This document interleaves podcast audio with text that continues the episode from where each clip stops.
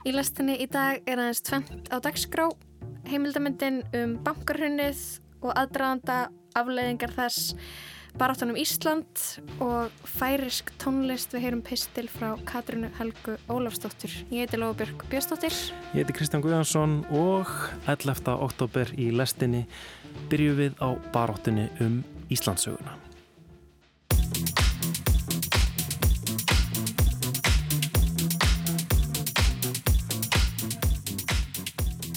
Baráttan um sögu hrunsins hefur staðið yfir í 15 ár og heldur áfram.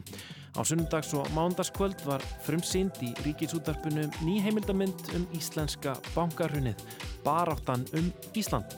Í lýsingu á rúf.is segir fjallaður um ótrúlega eftirmála hrunsins þar sem bankaleind var aflétt og viðtakar rannsóknir hófust á því hvernig þrýr stæstu bankar landsins fóri í þrótt. Rættir við stjórnmálumenn, hagfræðinga, saksóknara, rannsóknendur og bankamenn. Myndin er framleitt af sagafilm fyrir Erlendan markað, Good Banks, Bad Banks nefnist hún á ennsku og flestir viðmælendurnir tala ennsku með íslenskum hreim. Þeir sem eru skráðir sem leikstjórar eru sænski verðlauna bladamæðurinn Bosse Lindqvist, Margret Jónasdóttir og Jakob Halldórsson. If you take risk and you succeed, you are a winner. If you take risk and you don't succeed, are you then...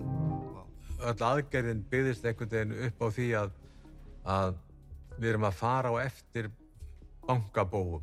Þessi bankabóar eiga sko hellinga peningum í útlöndum. So that is 2010, the attack started. That was a very mentally challenging time for myself. I did not see any future for myself. Óttast að fara í fangilsi? En að setja á laggirna sérstök ennbætti er, er ekki gott eins og, eins og þetta ennbætti en það fór það fram með offorsi gagvart eins og Sigurinn Átnarsinni og, og, og mörgum öðrum bankamönnum. Það var verið að... I saw myself as a massive burden to my family. I saw myself as, uh, you know, huge failure. Um, and really that there was no future.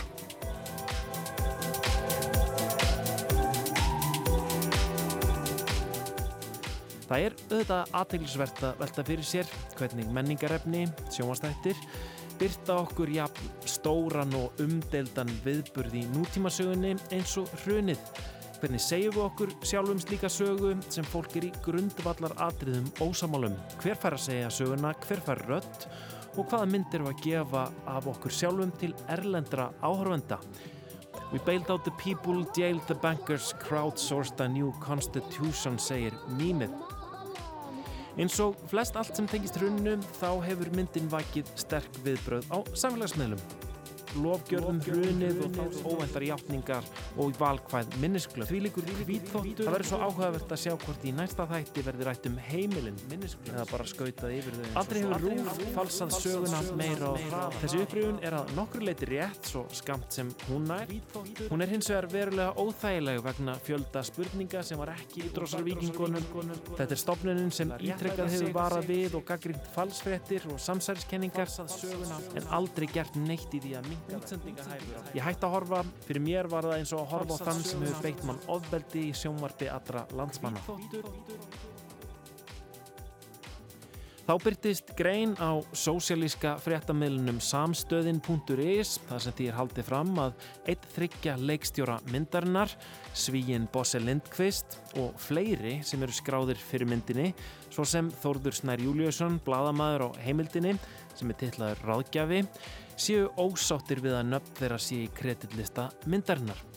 Þá er bent á, og með því íjað að því að það hafi áhrif á sjónarhótt myndarinnar, að stjórnarformaður Sagafilm sé Ragnar Björn Agnarsson sem er æskuvinur Jóns Ásker Jóhanssonar sem var eitt þeirra viðmælanda sem var hvað mest áberandi í myndinni. Og svo er spjótum bent að ríkisútarpinu og leikstjóranum Margreði Jónasdóttur sem starfar sem aðstóðar dagsrástjóri RÚF. Því er velt upp hvort að staðanar hafi haft áhrif á það að myndin hafi yfir höfuð verið sínt. Haugumár Helgason, ritthöfundur og kvikmyndagerðamæður rifjar svo upp að Rúf hafi þrísvarsinnum hafnað hans hrunmynd, heimildamyndinni Gegn frá árinu 2011 sem fjallar um nýju menningamálið svo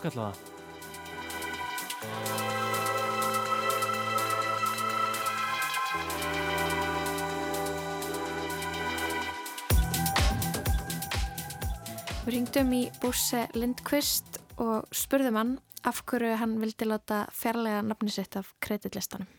Yeah, I mean, it, it's it's um, it's a long story. It, uh, it, it um, I started working on the project in 2019, and uh, a really interesting and extremely important project, I think, to investigate how the financial crash happened on Iceland in 2008, uh, what consequences it, it had, uh, how the Icelandic nation dealt with the with the crash and the aftermath.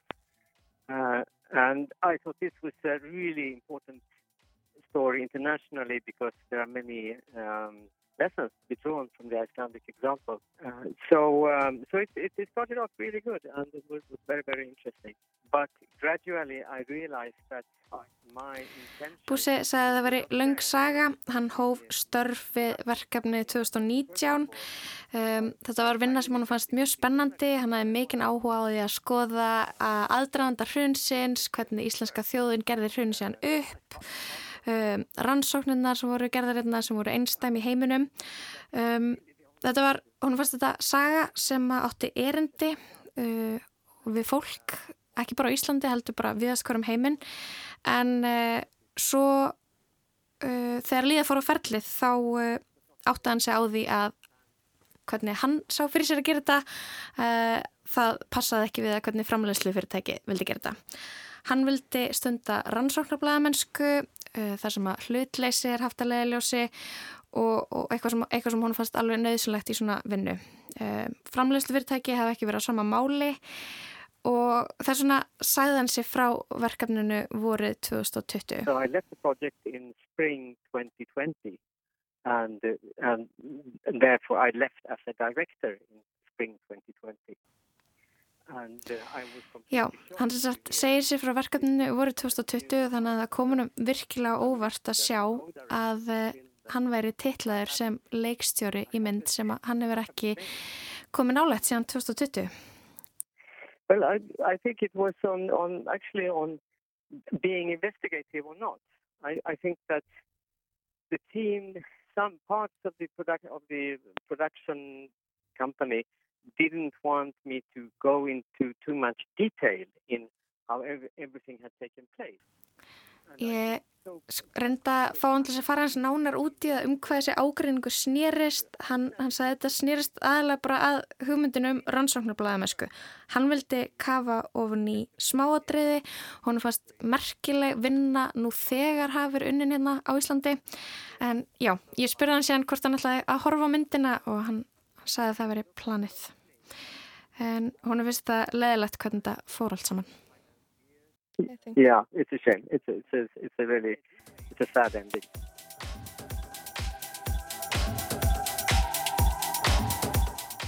Við rættum einnig við Þórsnæ Júliusson, einn reittstjóra heimildarinnar sem er tillaður ráðgjafi í kreditlista myndarinnar baráttaðan um Ísland. Erstu búin að horfa á báða hlutana af, af barátunum Ísland? Já, ég er búin að gera það. Hvernig finnst þér hún? Eh, ekki góð. Mm -hmm. Hvaða saga finnst þið verið sögð í þessari nýju heimildamönd? Ja, hvaða saga held ég að er þið sögð eða hvaða saga er sögð? Mm. Það eru svona kannski tvær spurningar. Svo saga sem ég held að er sögð uh, er svo saga sem ég tel vera hérna réttu greiningu á þeim atbyrðum sem áttu hér sér stað í aldraðanda uh, hrunsins 2008 á meðan á því stóð og í eftirmálun þess. Og það er saga sem ég hef eitt miklu tíma í það að rannsaka og hef unnið uh, samhliða sem bladamæður uh, frá því tímanu fyrir hrun og uppliði hvernig hlutni voru þá í gegnum þetta allt saman. Um það að reyna að teikna upp þá mynd sem hérna, manni fannst að samfélagi var að leita að um það hvað hefur raunlega gerst sem hafði þessi miklu, miklu áhrif og svo hvernig þetta var allt saman gert upp og ég gerði þetta upp á minnhátt með því að gera, skrifa bók sem kom út 2018 og hétt Kaup Thinking. Svo var hatt sambandum í árið 2019 um það að koma að þessi ráðgjafi að heimildamind sem átt að gera sem var eiginlega óskrifa blað á þeim tíma, hún var ekkert annað en titill um þessa atbyrði. Það var alveg ljóst hvaðan ég var að koma með það. Það var vitnað í það þegar ég fengið inn á verkinu að, að hérna, ég hef skrifað þessa bók og, hérna, og hafa nokkuð ljóst á mínu skrifum um það hver mín greining á þessum atbyrjum var.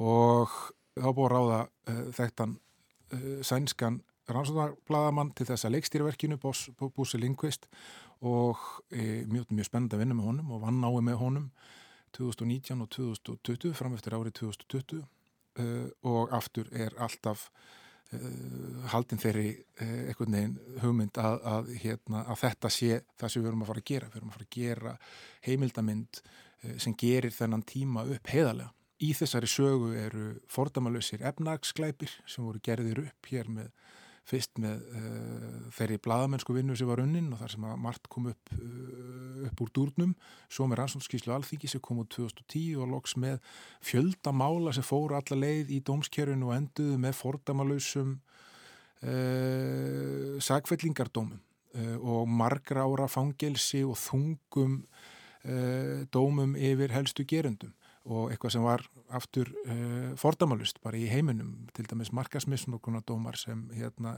er uh, hafa ekki fallið með þeim hætt sem er að gert hérna á Íslandi fyrir skipulega markasmisnokkun einstar aðstæðar. Mm. Hvernig finnst þið þessu saga að vera sögð í þessari mynd? Mér finnst hún ekki vera sögð.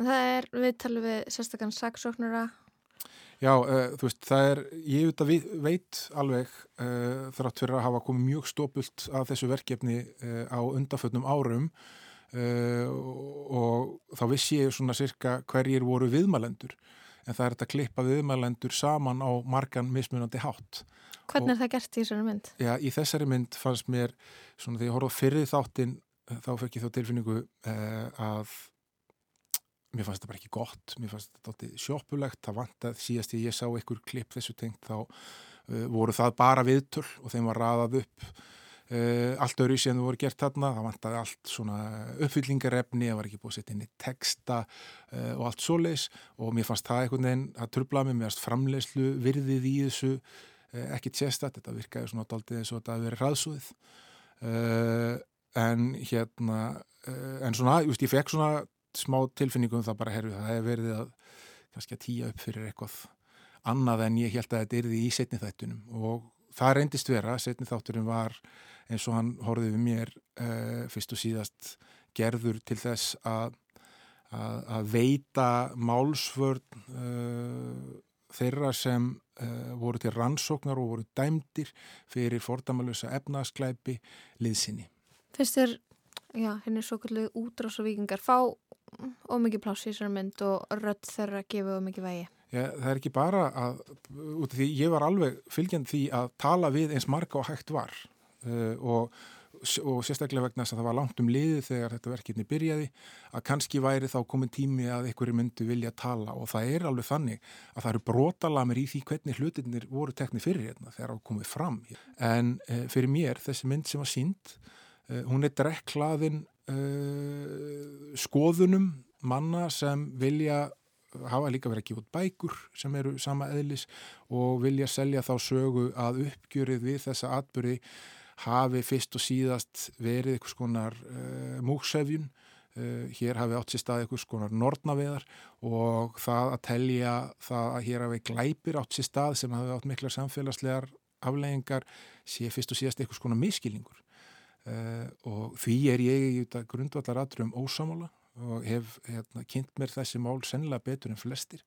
Og þess vegna var ég fyrir hálfgerðu áfalli því ég sá hversu stóran sess þessir aðilar fengu í sérstaklega þessum setni hluta og uh, líka að það kom til dæmis ekki almenna fram að, að, hérna, að þarna var uh, maður var kynntur eins og lögmaður eins sagbortnings en hann hafi líka verið stjórnamaður í banka sko, það var ekkit verið að tilgrina það. Uh, og það vantaði fullt af upplýsingum um málinn sem þið voru að tala um, það var enginn til þess að, að mæta þeim. Eh, þeim, eh, því sem þeir voru að setja eh, fram. Það var ekki... Fengu að tala gaggrinslust Já, gaggrinslust, algjörlega gaggrinslust mm. og alls konar hluti sem ég taldi algjörlega borlegjanda myndu verða í myndinni eins og svona skildi í lokin um það hvernig málinn hefðu allt saman endað. Þannig að það veri svona mm. full mynd. Þau eru bara ekkit annað og mér fannst sumir viðmálaðinir sem áttu að svona að vera bera áru þess að vera mótvægi þeir voru kliftir þannig til að hérna uh, að bæði umæli sem þeir settu fram voru ekki uh, voru, voru ekki nægilega gildandi og einhvern veginn fengur náttúrulega langt í frá sama pláss og henni sko.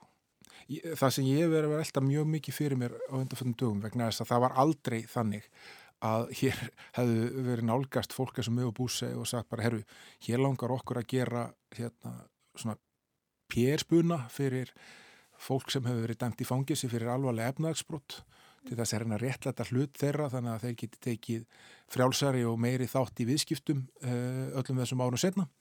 Uh, þá hefðu auðvitað og eðla kóruður okkar uh, sagt að við varum tilbúin að taka þátt í þessu verkefni. Við töldum og ég fó bara í gegnum gögnu sem við vorum, þegar við vorum að vinna þetta saman, að þetta yrði svona daldi saga sem yrði sögði gegnum uh, þetta fólk sem var að rannsaka þetta. Það var upplegið til að byrja minn og, og, veist, og það er alveg staðfest í þessum gögnum og það var rætt við þannig fólk sumt að því var klift að öllu leiti út þrátt fyrir að, að, að það hefur verið tekið viðtöl við þau uh, úr þessari endalegu útgáð. Mm. Þannig að hérna Uh, ég var síðan samfærum um það veist, ég, af því fólki sem held utanum framlýsluna þegar bósi hætti að veist, það var ennþá full heilindi um það að klára þetta. Það var búið að fjármagna verkefni og þau vildu bara klára þetta og hvort ég væri til í að vera þeim innan handar með því að koma með ráðleikingar hér og þar sem veist, ég gerði mjög stópuldi ég var ekki búin að heyra neitt af þessu í, í, frá því held ég í fyrra sömar nema það að ég heyrði óljóst af því að það ætti mögulega að fara að sína þetta í byrjun ás og mér þóttu það sérkennilegt. Að það ekkert verið haft samband um mig, ég var ekki búin að sjá neitt klipp, vissi ekkert hvernig það leitt út. Uh, og svo bara núna í uh, síðustu viku þegar ég heyrði á því bara alveg óvart í gegnum auglýsingadild að þessi þættir var á dagskrá. Og, uh, og það var ekki tátt samband um mig aftur og ég sé síðan bara þegar ég horfi á þattin að ég var tillaður hérna sem ráðgjafi í lokin og að Búrse sé ennþá tillað sem einna leikstjórnuna sem við þóttum ennþá farsakendara. Já, Búrse er búin að byggja um að nafni hans verið tekið af myndinni. Um, Þorvaldur Gilvason vil líka láta taka sig af kreditlistanum. Erst þú búin að hafa sambandi eitthvað? Vilt þú vera að nafn þetta sé ferlegt af þessu? Já, ég heit að þátturinn hef ekki verið búinn þegar ég hef búin að senda beðinni um það að láta fjarlæga mig af þessum kreditlista og fekk staðfestingu á því að það er í gert Það var ekki búið að gera það setnipartin í gær en þegar ég aðtugaði morgun þá var nú myndin ekki lengur aðgengileg inn á vefrúf uh, nýja inni á, á rúfappinu þannig að hérna, ég er nú að vonast til þess að ný útgáfa sé komið til skila þannig að hérna, minnstu kosti mitt nafn sé afmóð. En mér finnst þetta, þú veist, það er eitt að vera einhvers konar ráðgegi. Ég veit ekki leikstjórnarna valdi, ég er ekki handri sögundur eða svona eitt, ég er bara, þú veist, einhver sem hérna var að ringi og spurja um atbyrði, hvort þeir hafi verið svona á hinsegin og kannski mæla með einhverjum viðmælendum og annað slíkt. Ég hef ekki bóðvald yfir þessari mynd og þetta samt, uh, mér finnst ég hafi verið blektur, mér finnst þetta faglegt líti að vera tengtur við þetta þess vegna er ég mjög áfram með það að vera fjarlæður með öllum hætti frá þessari mynd. Hún stendur ekki fyrir það sem ég stend fyrir. Uh, en það miklu alvarlega það sem er Gagvart Búse sem er maður sem fór frá verkefninu af fullum heilundum fyrir meir en þremur ári síðan, þremur og hálfu ári síðan sennilega og hafði ekki hugmyndum að þetta sína myndina uh, eða hún hafi verið full kláruð og vissi ekkit af þessu að hann var í tillaður einn af leikstjóru myndarinn að fyrir hann eftir á, hann fekk eins og ekki að sjá hann þannig að þetta eru að mínu viti mjög ámals við unnubröð mm. mm. Finnst þér ekki að þetta kom ykkur yfirlýsing frá Rúf? Ég ætla bara að lefa öðrum á dæmið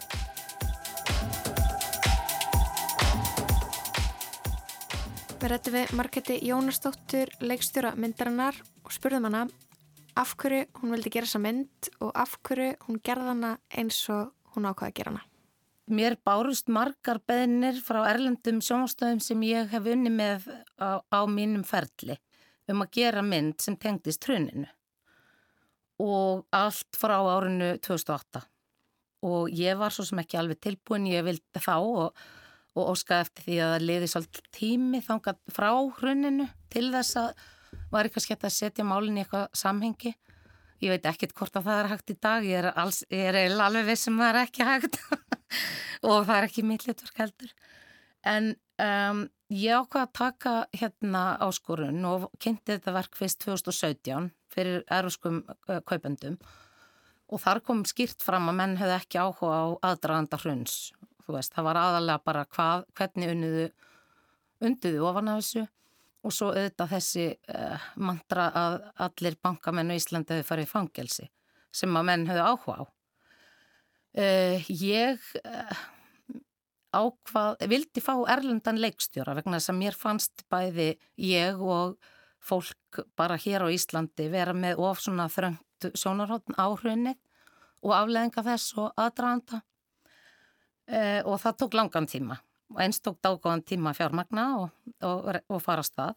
Á endanum setliðumst við á, ég og kaupendur á e, sænskan rannsóknarblaðamann sem var kannski ekki besti kosturinn fyrir Ísland því að við munum hvað sænskir rannsóknarblaðamenn e, hvernig þeir fóru í Panamaskjölunum af mönnum en, og það var kannski ekki gott til þess að ebla tröst um, þannig að við bara fórum á stað í þetta saman og tókum fyrstu viðtölin árið 2019 og það var alltaf skýrt að markmið myndarinnar væri að fá í stólinn fólk sem hefði ekki tjáð sig áður.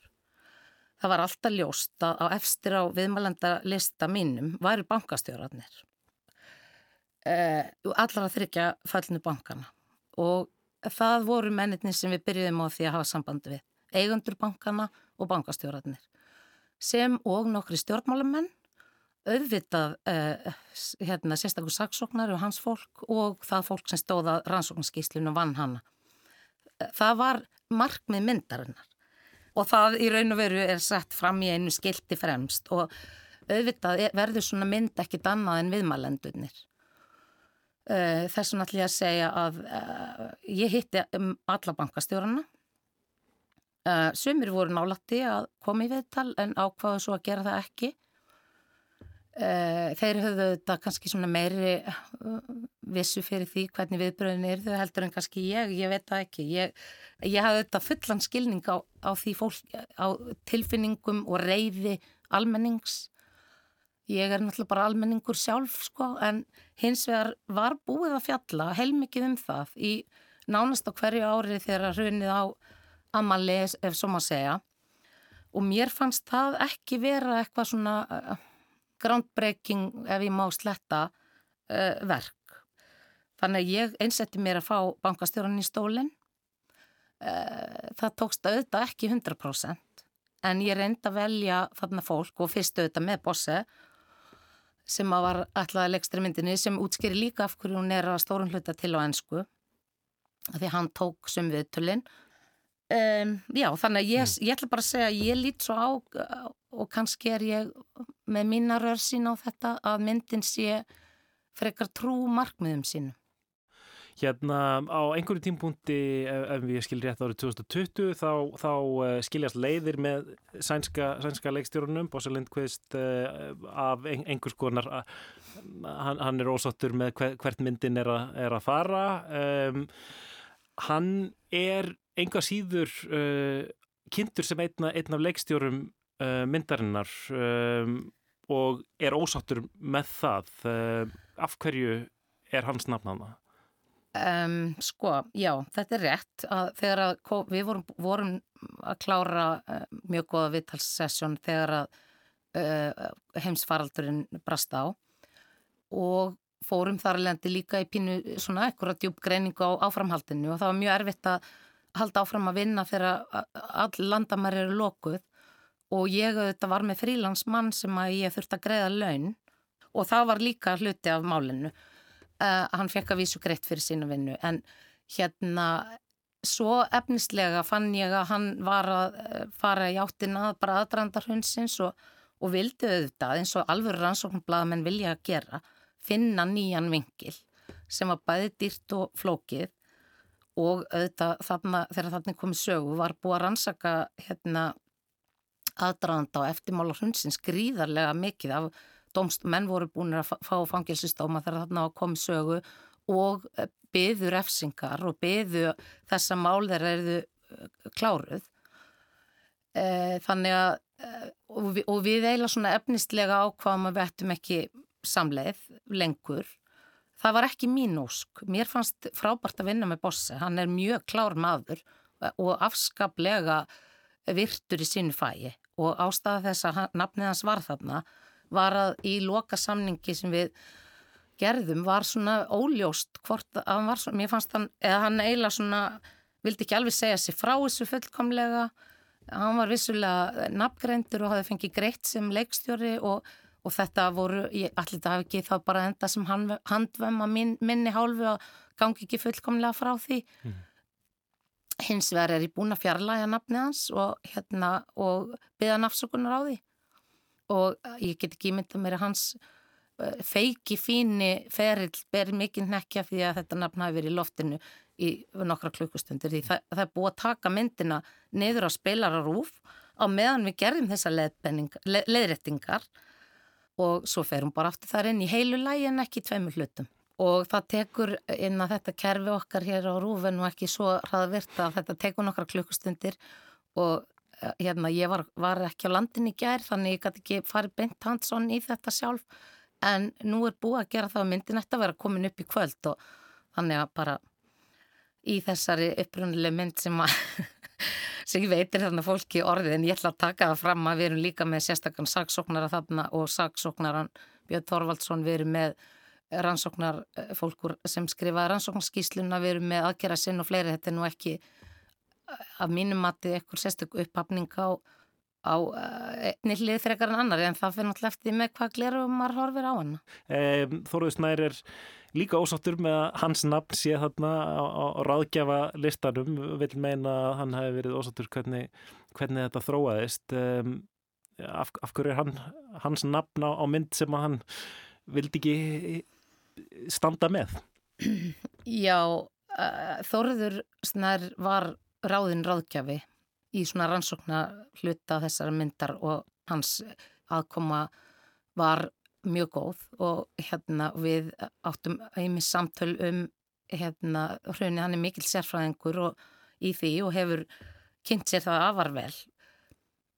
Hann hins vegar var ráðinn ráð, sem ráðgjafi og ráðgjafar eru ráðgjafar en ekki handritsöfundar og ég get alveg skilið að hann hafi ekki viljað vera þarna ég var hins vegar með samning við hann þar sem stóða mér bæra að setja hann þarna og, og hann hafði síðan mörg nokkuð klipp áður.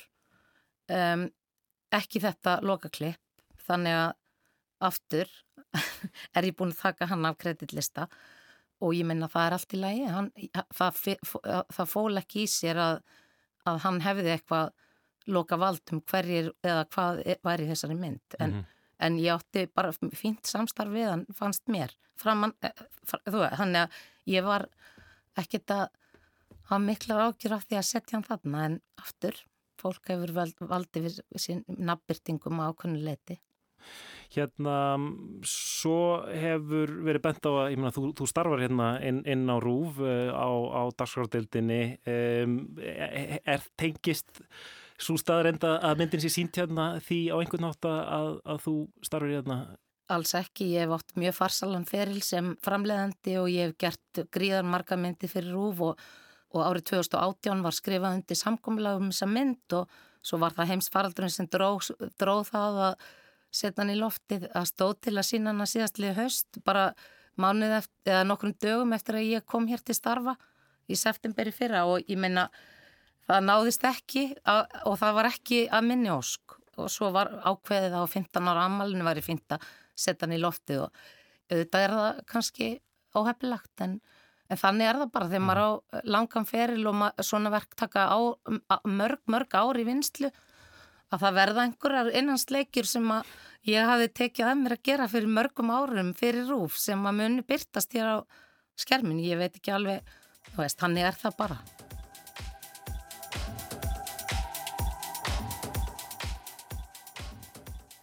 Ég spurði Búrsi úti að af hverju hann heldi að það geti verið að hann væri tillaður sem leikstöri þó hann hefði sagt sér frá verkefninu.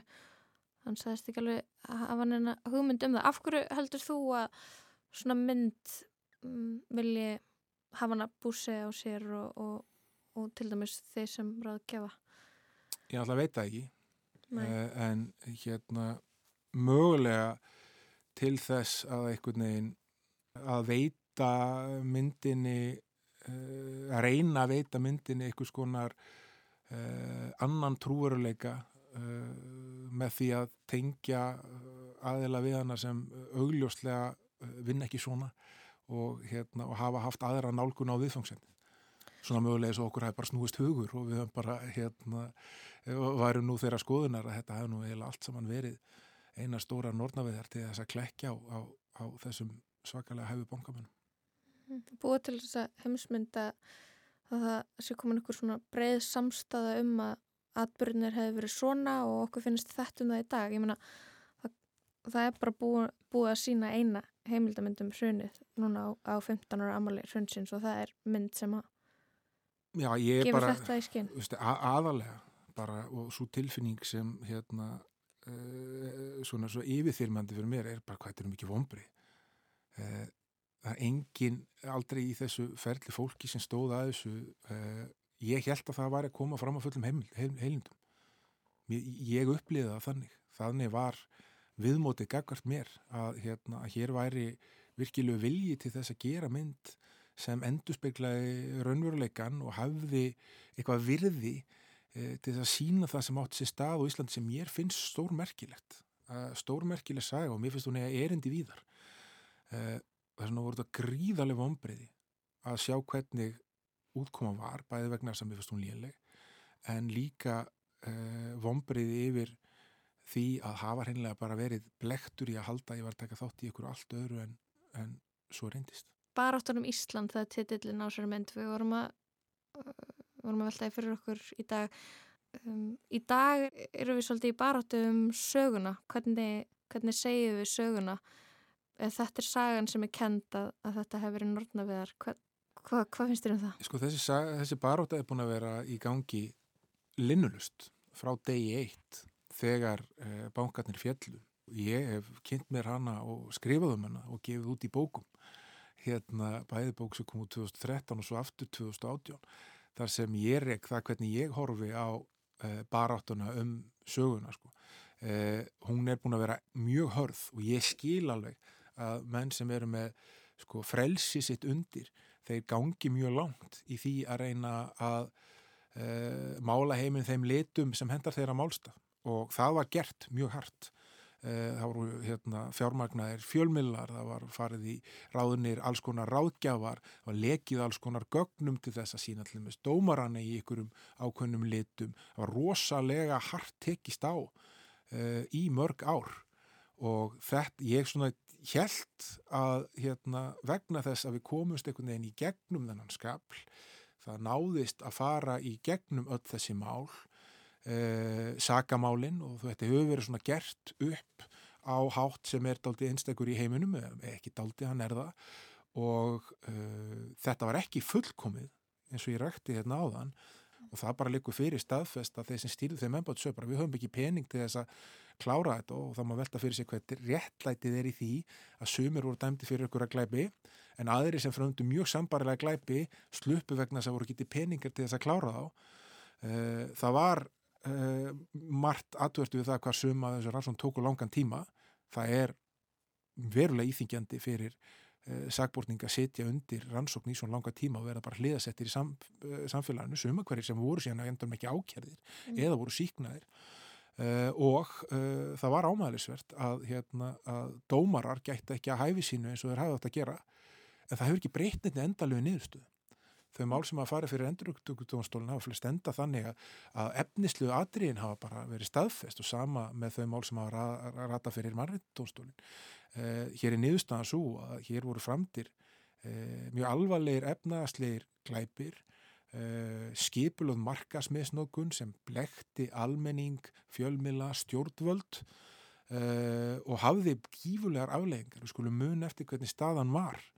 Hér var sko Uh, þannig að það var 80% verðbólka, það var 80% vextir, allir með verðtrilán, fullt af fólki sem var komið neikvæða eiginfjórstöðu í húsónu sínum, gati ekki selt húsi sitt nefn að borga bankanum marga miljónir, brjálað út á götu með potta og pönnur að mótmæla þessari stöðu, gríðalegt atvinnuleysi fylgdi þessu fullt af fyrirtækjum og fólki sem lendi miklu vandraðum, uh, Íslandi gjaldirisöftum frá árunni 2008 til 2017 þar sem við höfum að loka landinu og láta Sæðlabankan stýra okkur eins og sjóppu uh, vegna þess að við höfum ekki efnaði að hleypa útlenskum peningum inn inni. Og þetta var ekki leist fyrir en við vorum búin að stilla þessu þannig upp sem mikill hagur fyrir Íslands samfélag að þessir útlendingar sem áttur unnvöldis eignir þurft að gefa þorranaðum eftir til okkar sem var grundvöldlurinn af mikill efnaðsleira upprisu hér á Íslandi. Mm. uh, og hérna, veist, þetta er hinn raunverulega saga. Þetta er saga sem ég tel að eigi mikið erindi. Og uh, ég bara er rosalega vonsvikinn með það að uh, halda að ég hafi verið í einhvers konar félagskap sem ætla að segja þessa sög en því miður hafi verið í einhverju félagskap sem ætla að sér segja eitthvað allt annað mm. Þannig heyrðum við Þorði Snæ Júliusinni, vorum að spila við hann um baróttuna um Ísland. Þar öndan rættu við líka við Margreti Jónastóttur, leikstjóramyndarinnar og Bussi Lindqvist sem var upprannlegur leikstjóramyndarinnar en sæði sér síðan frá verkefninu. Uh, mér var að berast tölvupóstur frá Bussi, ég spurði hann í viðtali, í síma viðtali aðan uh, hvers vegna hann heldi að nafnið sitt hefði verið notað uh, áfram þó að hann væri lungu búin að segja sér frá verkefninu.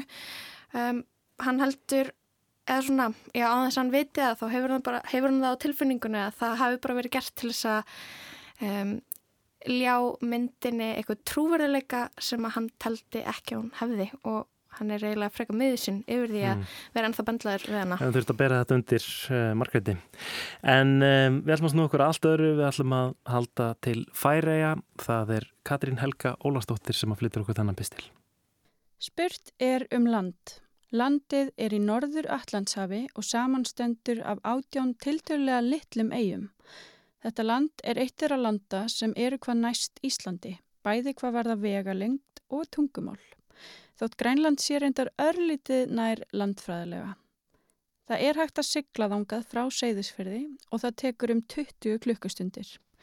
Líklega er einhver búin að átta sig á því hvert umrætland er. Halló Færiðar. Nafnið kemur úr fornnorrænu og bein þýðing nafnsins á nútíma íslensku væri fjár eigjar og þegar ég segi fjár þá meina ég kindur. Það eru fleiri kindur en fólk í færium, um 70.000 kindur á móti 53.000 íbúum.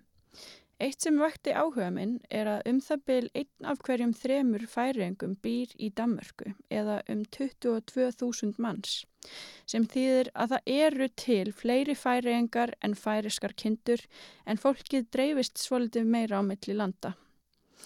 Færiðar eru í rauninni ekki sjálfstætt ríki heldur tilheyra þær ásamt Grænlandi, danska konungsveldinu. Þær hafa þó sjálfstjórn og ráða sínum einmálum en færiðingar læra almennt dönsku líkt og á Íslandi og er mjög algengt að fólk fari til Danmörkur í nám að loknum mentaskóla. Þrátt fyrir að færiðar séu nálagt Íslandi er ódýrara að fljúa til kaupmanahafnar en færiða frá Íslandi og ég hefða á tilfinningunni að mun fleiri Íslendingar hafi farið til Kaupmannahafnar en til Þórsafnar, höfustadar Færeia. Við Íslendingar köllum Færeienga oft frændur okkar og finnst tungumálið þeirra örlítið skondið. Er það pepperoni og svampar nú? Pepperoni og svampar? Já, ertu herna veikur maður? Orð sem við þekkjum á íslensku en hafa aðra merkingu á færisku eins og kamar sem þýður einfaldlega bara herbergi á færisku. Ég sé fram á að það geti skapað miskilning í ákveðnu samhengi. Við getum verið þakklátt fyrir hjálp færienga í hruninu 2008. Þá lánuðu þeir okkur 300 miljónir danskra króna sem er að núverði næstum 6 miljardar íslenskra króna. Í þakkarskinni mætum við í okkar fínasta pússi á jólatónleika Eivarar í Silfurbergi. Svo má ekki gleyma því þegar færeingurinn og hjertaknúsarinn Jekvan Hansen sigurði í X-Factor í blúsandi góðæri á Íslandi árið 2007. But it's myself I need to blame if you don't know you're right next to the right one Æðislegt það er svo mikill friður yfir þér og þetta er svo friðsæl rödd og ég naut þess í botn að hlusta á þetta. Mér fannst þú bara að gera þetta mjög flott. Mér fannst þú bara að koma með eitthvað nýtt og mér fannst þetta bara frábært þér. Já, þetta var mjög flott. Þetta var mjög flott. Ég segi hygglust já, hlakka til að sjá þig. Eli, Já. gjör svo vel til aðmyggju. Takk fyrir okkur til aðmyggju. Þú ert komin næstu uppferð. Takk, Eli. Var það mögulega þess vegna sem þeim var svo hlýtt til okkar í hruninu? Þetta er nú bara tilgáta. Þetta var cirka það eina sem ég vissi um færiðar áður en ég fór þanga fyrst. Ég var svo heppin að fá að heimsækja færiðar í sumar, í júli 2023 og dífa tánni í tónlistasenna og öðlast meiri skilning á menningu þeirra á þjóð. Svo í þessum pisli vonast ég til að opna örlítinn glugga inn í færiðar og þá sérstaklega skiknast aðeins inn í tónlistasennuna þar. Það fyrsta sem ég tók eftir eru líkindi Íslands og færiða og þá helst tungumálið. Götu heiti á borð við Bókbindaragöta, Landavegur, Segmundargöta, Miðtún og Eisturstræti. Líklega eru þau borin fram á annan hátt en eru þó mjög kunnuleg. Það var örlítið leiðilegt að þurfa að tala ennsku við færiðinga svo við gætum skili hvert annað. Þrátt fyrir að tungumálin okkar séu svona lík, en það var of erfitt að reyna að skilja vegna framburðar munarins. Ég er þó nokkuð vissum að ef maður tæki svona 2-3 tíma í færiskum framburði þá myndi þetta koma ansið hrætt. Því miður er færiska eitt af málunum sem er ekki enn á Google Translate. Sökum legu eigana standa lang flestir bæirnir nálagt sjónum. Þar eru fátri og brattar grasgrænar hlýðar. Fjöllin eru há og þar eru kindur á beitt. Mín upplifun var stundum eins og ég væri í sjávarþorpi á Íslandi, þar sem fólk hefur efni á að hugsa vel um húsin sín og vögva grasið á þækinu. Já, það er annað sem ég harma hefur dottið úr tísku á Íslandi eftir torfbæjana, en það þykir enn flott í færum að hafa hústökin sín vel tyrfð. Þetta er allt mjög kunnulegt. Ísland og færiðar hafa sveipaðan sögulegan bakgrunn en hafa þróast í örlítið sitt hvara áttina, hvort í sinni búblu. Fólk heldur mikið upp á þjóðbúningana sína í færiðum. Þeir virðast ekki erðast á milli kynnslóða heldur er fólk á mínum aldri milli 20 og 30 ára að sapna fyrir og upp í sinn eigin þjóðbúning og bætir svo á hann út lífið. Það velur sitt eigin minnstur og skraut á búningin. Þeir eru í alls konar litum og með skarti úr silfri og gulli. Karlar jæmt sem konur klæðast þeim. Á Íslandi þekki ég varla karla þjóðbúningin og sé yfirleitt enga klæðast þjóðbúningnum nema kannski fjallkonuna á 17. júni. Nátengdur þjóðbúningnum eru hefðirnar varðandi færisku ringdansana. Þeir eru dansaðir á Ólasvöku árlegri þjóðháttíð færiðinga. Það er annað sem ég harma við Ísland. Hvar eru þjóðdansarnir okkar? Það er nú líklega efni í annan pistil.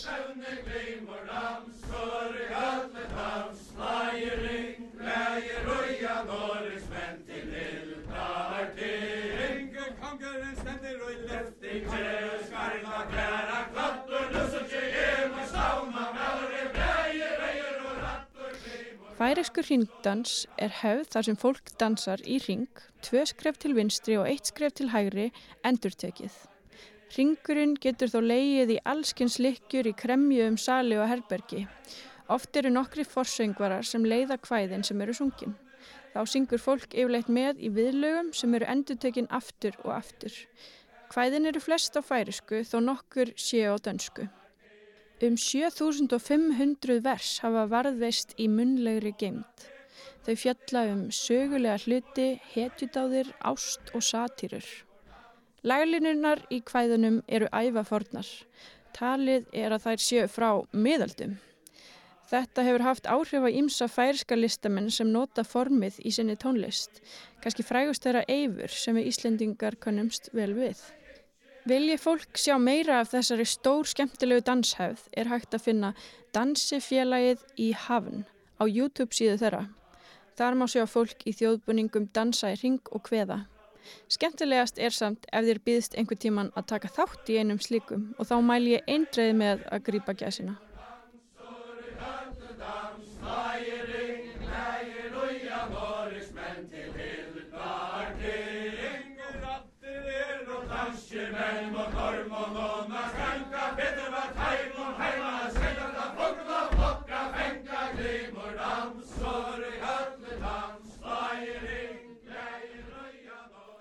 Ákveðin fatatíska sem ég tók eftir eru færisku ullarpeisurnar. Það er sérstaklega ein ákveðin peisa, prjónuð úr kvítri ull með þrem röðum af prjónuðu minstri í brúnum eða svartum lit. Þessi peisa, eftir færisku hönniðuna Gudrún og Gudrún var nánast heimisfræg þegar aðalsöguhetjan í dönsku glæpaþáttaseríunni Fá Bröðelsen eða Glæpurinn glætist henni í þáttunum.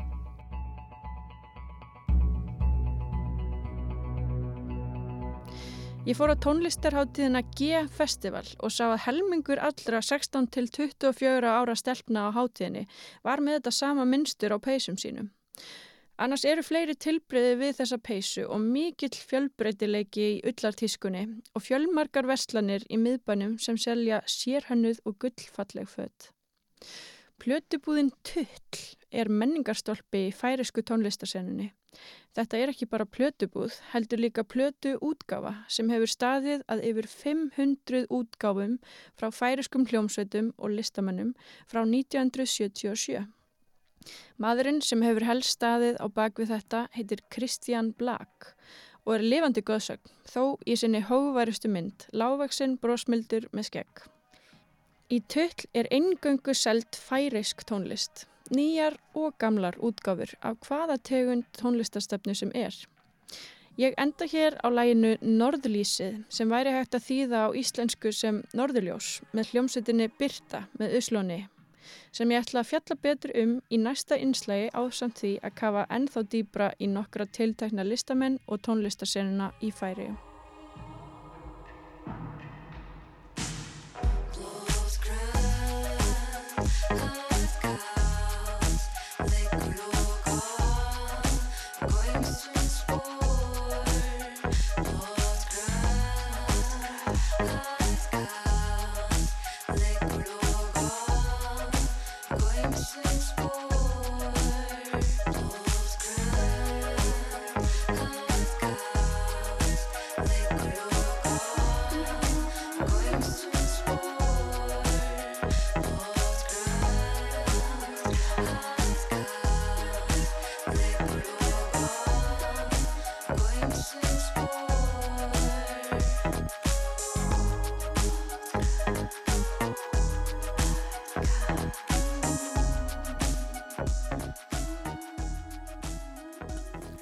Katrín Helga Ólastóttir saði frá tónlistalífi Færiða, uh, fyrsti pistill af tveimur, við fáum að heyra meira um Færiðar í, í næstu viku. En það komið að leðalögum hérna í lestinni í dag við Kristján og Lóa þökkum samfélgina.